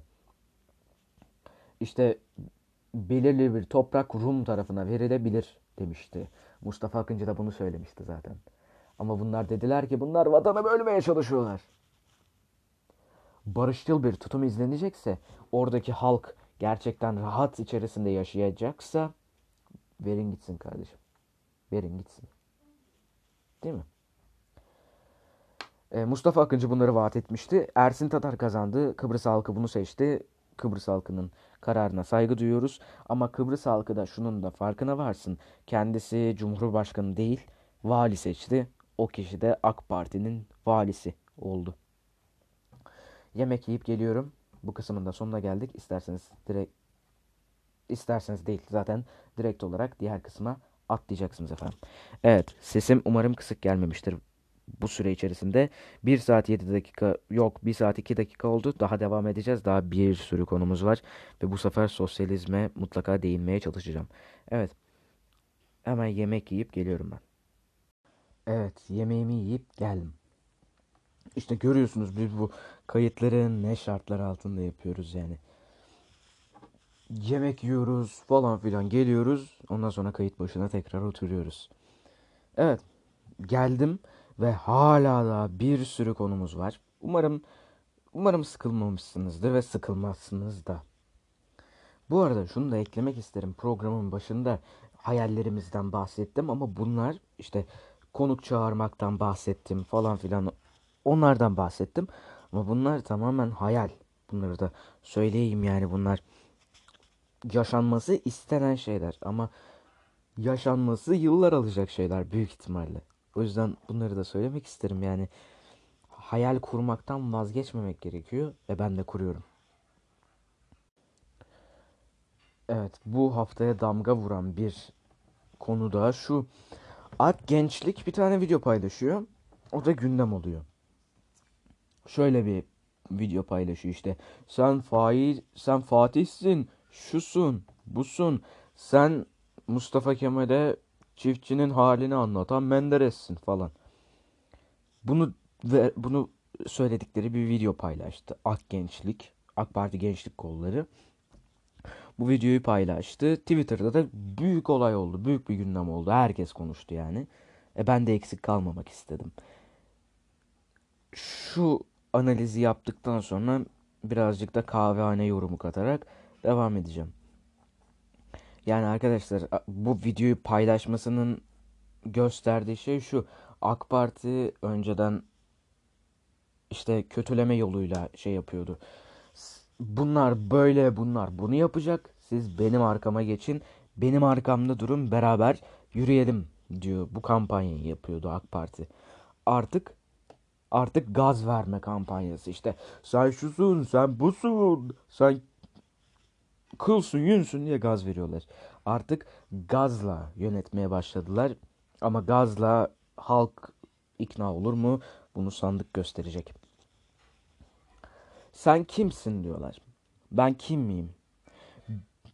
Ben çocuğuna pantolon alamadığı için kendini asan baba, zabıta tezgahını yıktığı için ekmek parasından olup belediye önünde kendini yakan esnaf, sadece kısa şort giydiği için dövülen Özgecan, sokak arasında tekmelerinizle komaya girip vefat eden Ali İsmail, çözüm süreci tehlikeye girmesin diye PKK'nın katledip Türkiye medyasında haber bile olmayan Teğmen Emre As, 18 yaşında ben ömrümü bir araba uğruna harcamak istemiyorum diyerek intihar eden Furkan Celep'im ben. Ben AKP'nin katlettiği Türkiye milletiyim. Korkmayın benden. Ben halkım. Ben Fatih değilim, ben Menderes değilim. Ben sizin tekmelerinizle öldürülen Ali İsmail'im. Sizin askerinizin attığı biber gazı biber gazı biber gazı ile ölen vefat eden Berkin Elvan'ım. Sizin beslediğiniz terör örgütleri tarafından öldürülen Eren Bülbül'üm ben. Ben kim miyim? Ben ben milletin emniyet müdürünün karısıyla yatan Adnan Menderes'im. Ben buyum. Ben Anadolu halkıyım. Değil mi? Korkuyorsunuz bizden değil mi? Sevgili ak gençlik. Halktan korkuyorsunuz değil mi? Bizden korkmayın bizden. Bizim tek gücümüz sandık çünkü. Başka türlü hiçbir şey yapamayız biz. Bizden korkmanız gerektirecek hiçbir şey yok. Denizli valisi. Bu da geçen haftaya damgasını vuran olaylardan birisi. Dönerci kendisini tanımadı diye dü- dükkanını kapattı. Bunu şöyle anlatayım. Denizli vali ki hepiniz biliyorsunuzdur büyük ihtimalle. Denizli valisi bir teftişe çıkıyor. Bütün valiler çıkıyor. Denizli valisi de çıkıyor. Bir tane dönerciye gidiyor.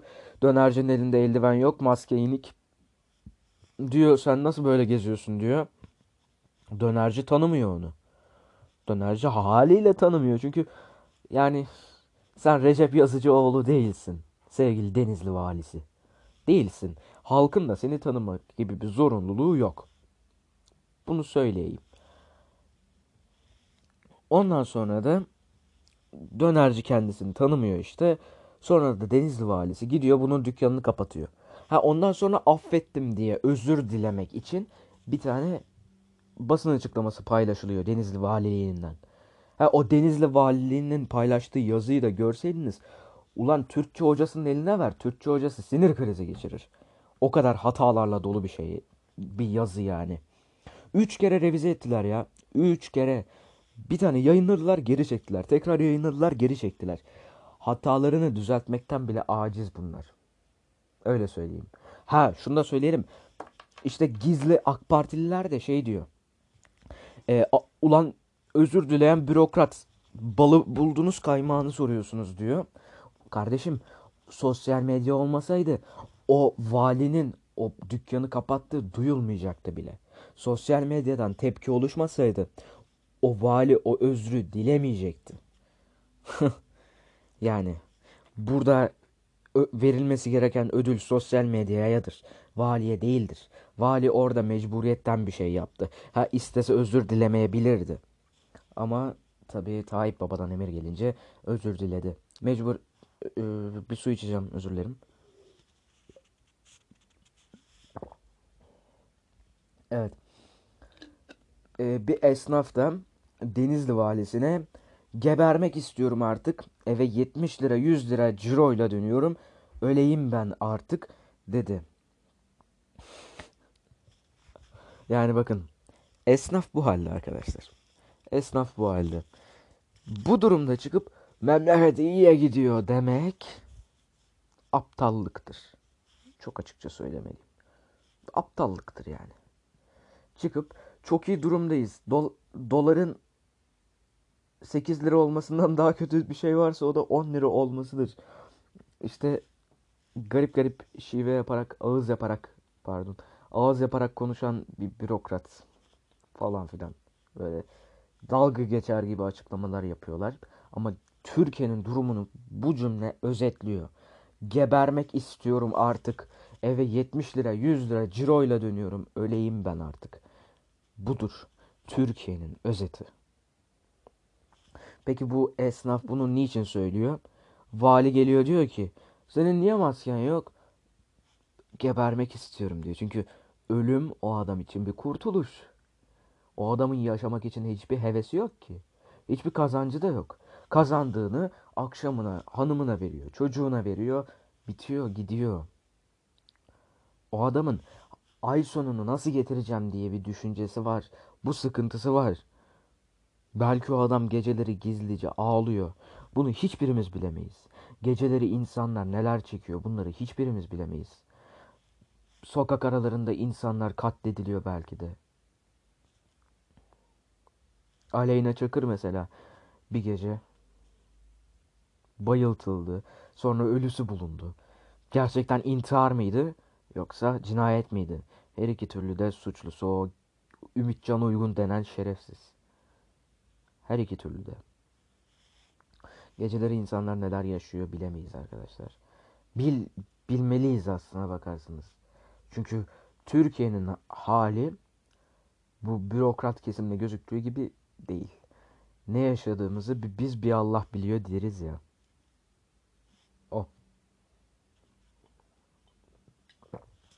Devlet Bahçeli MHP Milliyetçi Hareket Partisi Genel Başkanı MHP'lilerin lideri şöyle bir kampanya başlatıyor. Askıda ekmek askıda ekmek kampanyası. Böyle bildiğin askı asmışlar sokağın ortasına. Çankaya'dan geliyor bir de o fotoğraf.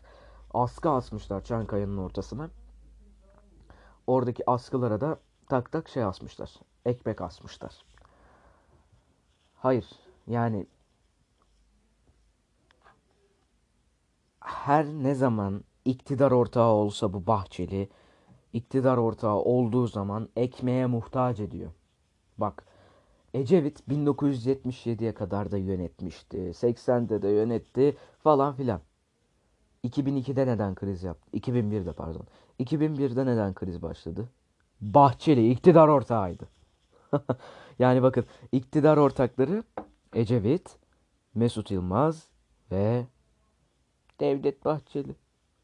Bu ikisi de yani Ecevit'le Mesut Yılmaz da başbakanlık ve yönetim tecrübesi bulunan isimler. Devlet Bahçeli'nin yoktu ama iktidar ortağı oldu ve bir somun ekmeği mecbur bıraktı. Şimdi de iktidar ortağı ve şimdi de bir somun ekmeğe mecbur bıraktı.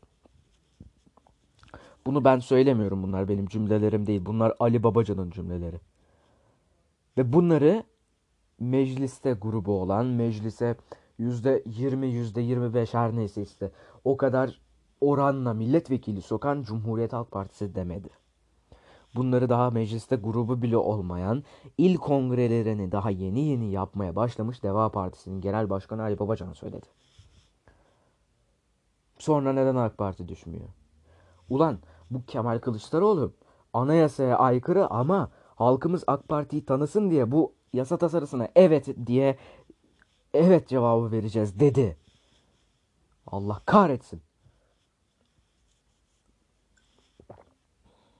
Sonra da Bahçeli askıda ekmek kampanyası başlatıyor işte. Askıda ekmeğe muhtaç eden kişi kim? Senin iktidar ortağın, senin reis dediğin kişi ya da bizzat sensin. Sen o insanları o somun ekmeğe mecbur bıraktın. 2001'de de yaptın aynısını. Şimdi de yapıyorsun. 2001'de Ecevit'i bitirmiştin. Ecevit'le Mesut Yılmaz'ı bitirmiştin. Şimdi de AK Parti'yi bitireceksin. Değil mi Bahçeli? Buradan da sevgili AK Parti yetkililerine sesleniyorum. Biliyorum dinliyorsunuz. Bu Bahçeli'ye dikkat edin. Bunlar bu sizin kökünüzü kazmayı planlıyor. Bak geçmişine bakın. Ecevit, Mesut Yılmaz.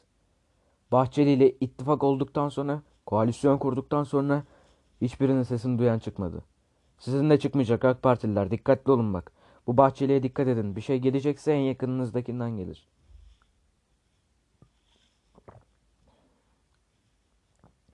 İyi Parti içerisinde kavga var. Bu kavgayı size sadece aktaracağım.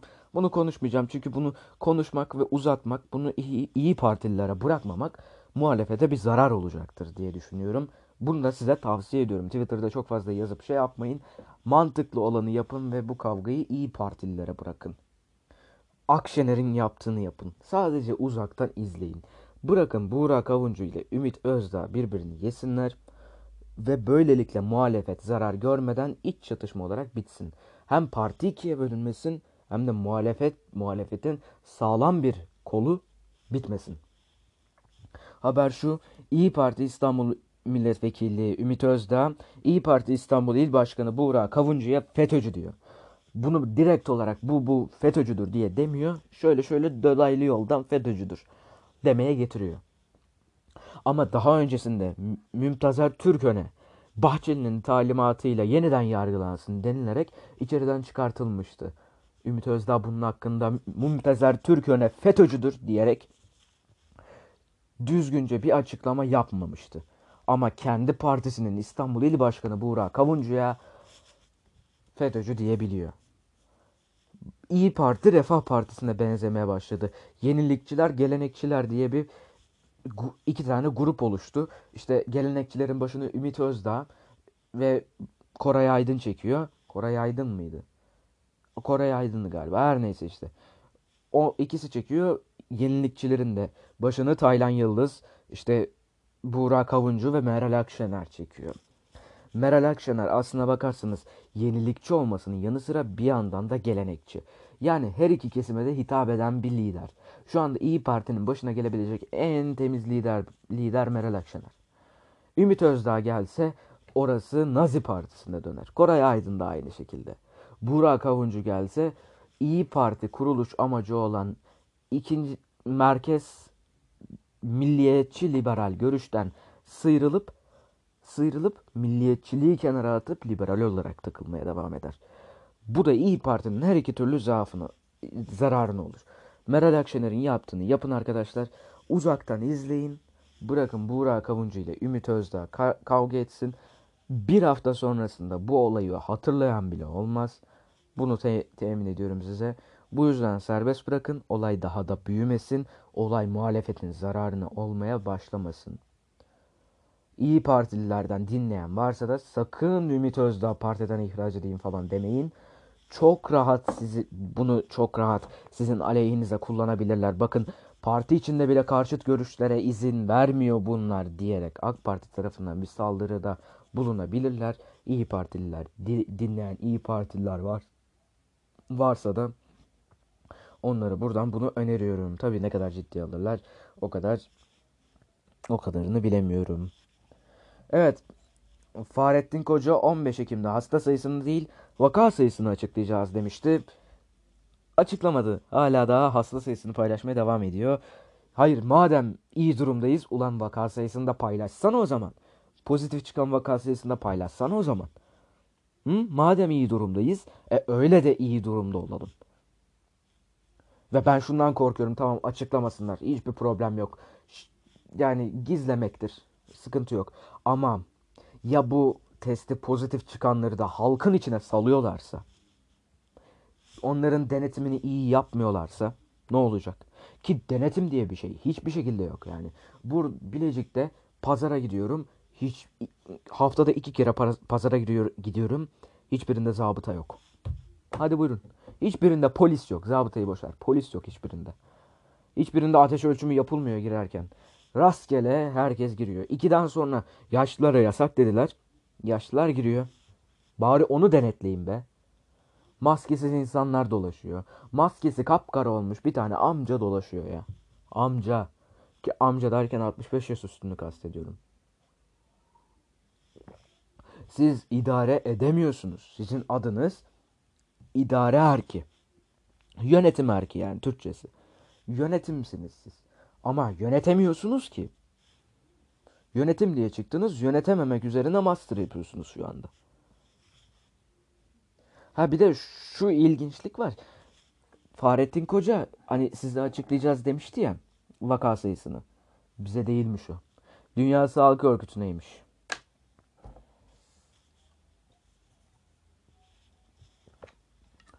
Evet, Dünya Sağlık Örgütü'nü açıklamışlar. Peki. Alkışlıyoruz kendilerini. Şirketleri kapatacak şirketleri kapatacaklar. İşte milleti ekmeğe muhtaç ettiler. Anadolu'da, Anadolu'nun bağrında insanlık zulmü yaşanıyor. Bundan bir haberler. İnsanlar çatıya internet çekmek için çıkıp ölüyorlar. Babalar kendilerini asıyor. Esnaflar kendilerini yakıyorlar. Siz ne yapıyorsunuz? Siz her şey çok iyi, çok iyiye gidiyor, memleket iyiye gidiyor deyip sokaklarda dolaşıyorsunuz. Helal olsun. Ne yalan söyleyeyim helal olsun. Dış haberler. Joe Biden şöyle bir açıklama yaptı. ABD başkanı seçilirse ABD'nin yaptırım tehdidi altındaki Türk lirası tamamen savunmasız hale gelecek. Joe Biden kazanırsa. Bunları da Reuters'un analistleri söylüyor. ABD duruşunu sertleştirirse ki bu duruşu sertleşmesindeki en büyük kaynağı Biden olacaktır. Türkiye diğer birçok ülkeden daha fazla kaybedecek. Trump'ın bu kadar sert durduğuna bakmayın. Kendisi gayet işi bilmeyen ve dandirikten bir adamdır. Şirket sahibi ki şirketini büyük ihtimalle tek başına kendisi yönetse çoktan batırmıştı şirketi de. Ama hala daha devam ediyor ve işi bilmiyor şu anda Trump ve dış dış alımı dış dış alımı kesmeye çalışıyor. Yani bildiğiniz Necmettin Erbakan gibi milli görüş diye devam etmeye çalışıyor. İşi bilmiyor. Bu yüzden ABD büyük ihtimalle Biden'ı seçecektir. Biden da solcu. Yani solcu derken sosyalist. Sosyaliste biraz daha yakın ama Bernie Sanders kadar değil. Rusya Dışişleri Bakanlığı resmi Twitter hesabı şöyle bir video paylaştı ve bu videonun alt, üstüne de şunları yazdı. 193 yıl önce Rusya, İngiltere ve Fransa'nın birleşik filosu Navarin Körfezi'nde Türk-Mısır filosunu bozguna uğrattı. Müttefik filomuzun zaferi Yunanistan'ın bağımsızlığının ön koşullarından biri haline geldi. Bunu niye paylaştı peki Rusya Dışişleri Bakanlığı resmi Twitter hesabı? Bize açık açık tehdit savuruyorlar. Yunanistan'la ilişkilerinizi iyi tutun yoksa bu savaşı bir daha yaşarsınız diyerek bize açık açık bir tehdit savuruyorlar. Peki bizimkiler de hiçbir şey söyleyemiyorlar. Açık açık tehdit ettiklerini bile söyleyemiyorlar. Neden? Rusya'ya muhtaçlar. Nasıl ki TOG'un motorunu ya da herhangi bir çipini bile aman bir şeyse bir şeysini Çin'den getirdikleri gibi. Değil mi? Çin'den getirtiyorlar. Neden? Çünkü Çin ile ilişkilerini iyi tutmak istiyorlar. Analizm, analistlik kolay ya. Analistlik kolay. Ermenistan, Azerbay Ermenistan, Azerbaycan, Gence'ye saldırı düzenledi. Benim akranım bir tane kız çocuğu da adını da unuttum bak. Görüyor musun? Yani kat, insanlar katledildi orada. Bunların mağduru bir tane 15 yaşındaki gencecik bir tane kızcağızın adını da unuttuk. Vay arkadaş. Bomba attı Gence'ye Azer Azerbaycan, Gence'ye Ermenistan. Bomba attı. Sivilleri katletti orada. Bebekleri katletti. Enkazın altından bebek çıktı bir tane. CNN Türk Haber muhabiri de oradaydı. İnsanın nutkunu söyleyecek söz kalmadığı durumlarda sadece susmakla yetinebilirsiniz. Ben de onu yapıyorum. Bir insanlık zulmü yaşanıyor. Bir insanlık zulmü yaşanıyor Azerbaycan'da. Ermenistan Azerbaycan savaşında. Belki Azerbaycan'da Ermenistan'a sivillerini vuruyor. ama Ermenistan'ın Azerbaycan'ı vurduğu, özellikle de sivillerini vurduğu çok açık.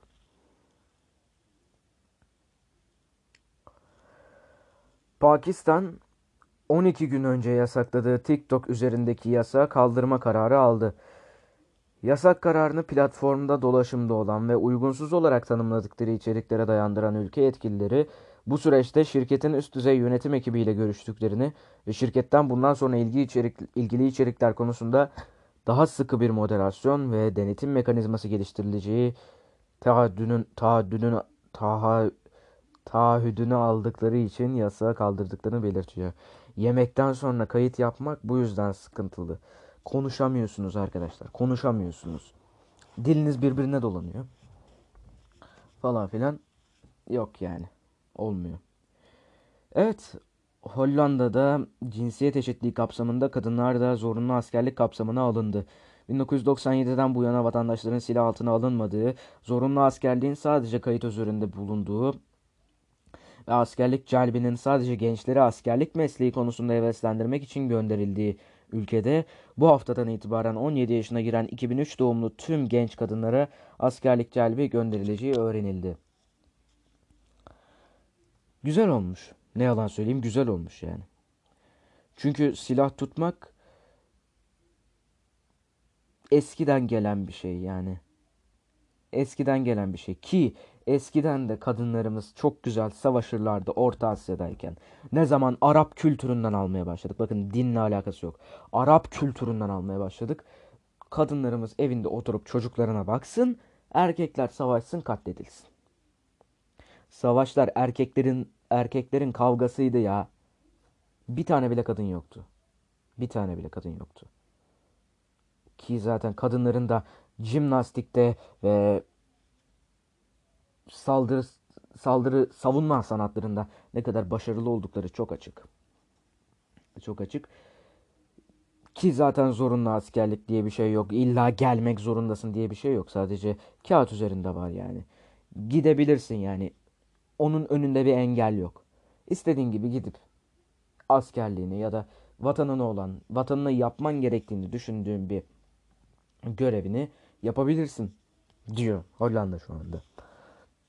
Bizde de kadınlar şu anda sadece subay olarak ve yemekten sonra bu şekilde geğirmeler de devam ediyor. Ee, bizde şu anda subay olarak kadın asker bulunabiliyor. Oxford aşı denemelerine katılan Brezilyalı bir gönüllü hayatını kaybetti. Evet. Evet arkadaşlar. Yaklaşık 1 saat 20 dakikadır kayıttayım. Ben de yoruldum. Artık ağzımdan kelime çıkarken dolanıp dolanıp çıkıyor. Ve yemek yedim. O yüzden sıkıntıdayım şu anda. Ama bir buçuk saatlik en azından yayını sizlere vermeye çalıştım. Bir buçuk saatlik bir podcast'i sizlere sunmaya çalıştım. Gece seansı tam tam gaz devam edecek dediğim gibi. Bu hafta değinmek isteyip değin, değinemediğim konular tabii ki sosyalizm. Ay bıktım şu sosyalizmden yemin ediyorum. Yani açıklasam açıklarım şu anda. Anlatsam anlatabilirim. Aklımda kaldığı kadarıyla özet olarak bir şeyler anlatabilirim. Ama anlatmak o kadar istemiyorum ki. Hem şu var. Belli bir süreden sonra dinleyici dinlemeyi bırakıyor. Sıkılmaya başlıyor özetle. Ve sosyalizm kimsenin ilgisini çektiğini zannetmiyorum. Ee, onu söyleyeyim ve veda edeyim sizlere. Ge- gelecek hafta değinmek istediğim konular ki inşallah değinirim. Haberlere geçmeden önce bunlara değinip sesimi sesim ta- tazeyken bunlara değinmek istiyorum çünkü. Ee, ilk konumuz pavyonlar. Pavyonlara mutlaka değineceğiz. Pavyonlar çünkü önemli. Sosyalizmi de haftaya anlatıp bitirmek istiyorum artık. Masumlar Apartmanı'nı izlemeye başladım. Onları ona değinirim. Taraklı nasıl demiştim. Taraklı'yı da boş verin artık. Taraklı gitmeniz gitmek istemeyeceğiniz bir yer. Onu söyleyeyim. Evet. Bugün gece seansı programı diğer programlarımızdan daha da uzun sürdü maalesef. Ama umarım eğlenmişsinizdir. Ben gerçekten eğlendim. Sinirimin bozulduğu anlarda olmuş olabilir. Elimden geldiğince küfür etmemeye çalıştım. Bu küfür konusunda yavaş yavaş podcastlerim için en azından podcastlerim için küfür konusunda birazcık bırakmaya bırakmaya çalışıyorum. Çünkü e, aldığım birkaç feedback'te yazdığı üzere küfür bana yakışmıyormuş. En azından podcastlerime yakışmıyormuş. Onu söyleyelim. Evet. Küfrün bazı kişileri rahatsız edebile edebileceğini de düşünürsek küfrü bu böyle umuma açık bir yerde etmemek lazım. Ama birkaç bölümde ettik. Bundan sonra asla küfür benim ağzımdan duymayacaksınız efendim. Evet beni dinlediğiniz, beni dinlediğiniz için teşekkürler. Ek bir format fikri vardı daha geldi aklıma bak şu anda. Bir, bir arkadaş da feedback vermişti zaten bana. Kitaplar hakkında bir format yapsam nasıl olur diyor. Güzel olur, güzel olur. Ama benim herhangi bir kitap hakkında 4 dakikadan fazla konuşmam pek mümkün değil. Kısacık kısacık anlatırım ve bunlar da bir format olmaz. Ancak gece seansının içerisine katarak orada anlatabilirim anca. Çünkü ben ünsal ünlü değilim. Bir kitap hakkında 45 dakika konuşacak bir adam değilim ben. Çünkü ne konuşacağım yani? Kitabı anlatmam gerekiyor. Kitabı özet, özet kitabın özetini anlatmam gerekiyor size. Ki zaten o da pek mümkün değil ve etiğe aykırı olacaktır. Ama kitapları tavsiye ederim. Nasıl olduklarını, kötü yanlarını, iyi yanlarını anlatmaya çalışırım. Evet. Bugünlük benden bu kadar efendim. Diğer bütün gece seansı programlarından daha da uzun oldu. Ve bir önceki gece seansı programımız 16 izlendi. Şu anda top episodes kısmında bir listeyi 5 5 tane bölüm var orada. 5 bölümün 4'ü gece seansı. Helal olsun diyorum. Ve bir önceki bölüm gece seansının 4. bölümü de tamı tamına 16 kişi tarafından izlendi. Bu benim için büyük dinlendi pardon. 16 kişi tarafından dinlenmesi benim için büyük bir rakam, büyük bir sayı ve benim bu işleri yapmam için bana be, ihtiyacım olan hevesi bana veriyor. Ki zaten bunu gördüm ulan beni gerçekten dinleyen birileri var. Söylediklerimi umursayan birileri var. Katılmasa da, beni sevmese de, ne söyledi, ne söyledim, ne bu Onur'un ne söyledi gene diye yan, yerinde yanıp tutuşan insanların olduğunu bilmek bana heves veriyor. Ben de ben de bu hevesi kullanarak gittim, mikrofon aldım. Belki yarın yapacağım programı da oradan alıp yapabilirim. Evet. Teşekkürler efendim beni dinlediğiniz için. Bir sonraki formatta inşallah yeni mikrofonumuzla görüşmek üzere. Hoşçakalın.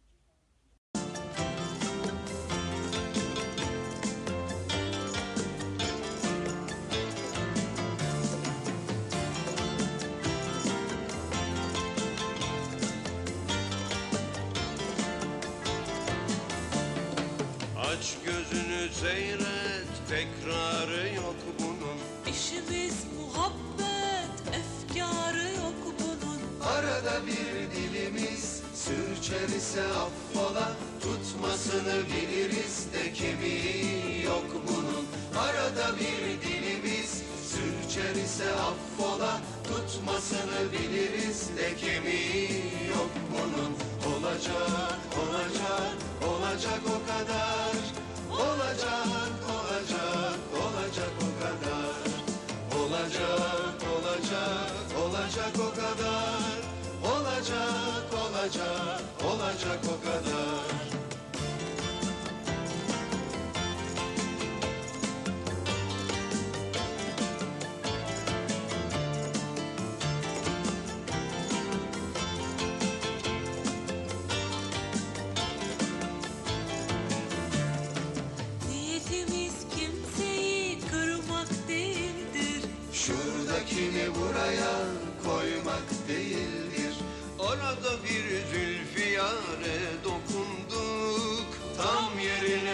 geldi manzara koyduk Orada bir zülfiyare dokunduk Tam yerine rast geldi manzara koyduk Olacak, olacak, olacak o kadar. Olacak, olacak, olacak o kadar. Olacak, olacak, olacak o kadar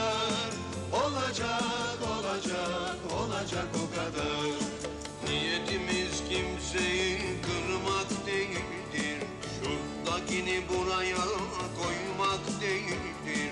Arada bir zülfiyare dokunduk Tam yerine rast geldi manzara koyduk Arada bir zülfiyare dokunduk Tam yerine rast geldi manzara koyduk Olacak, olacak, olacak o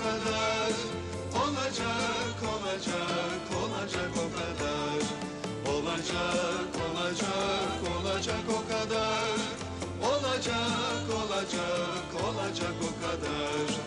Olacak, olacak, olacak o kadar. Olacak, olacak, olacak o kadar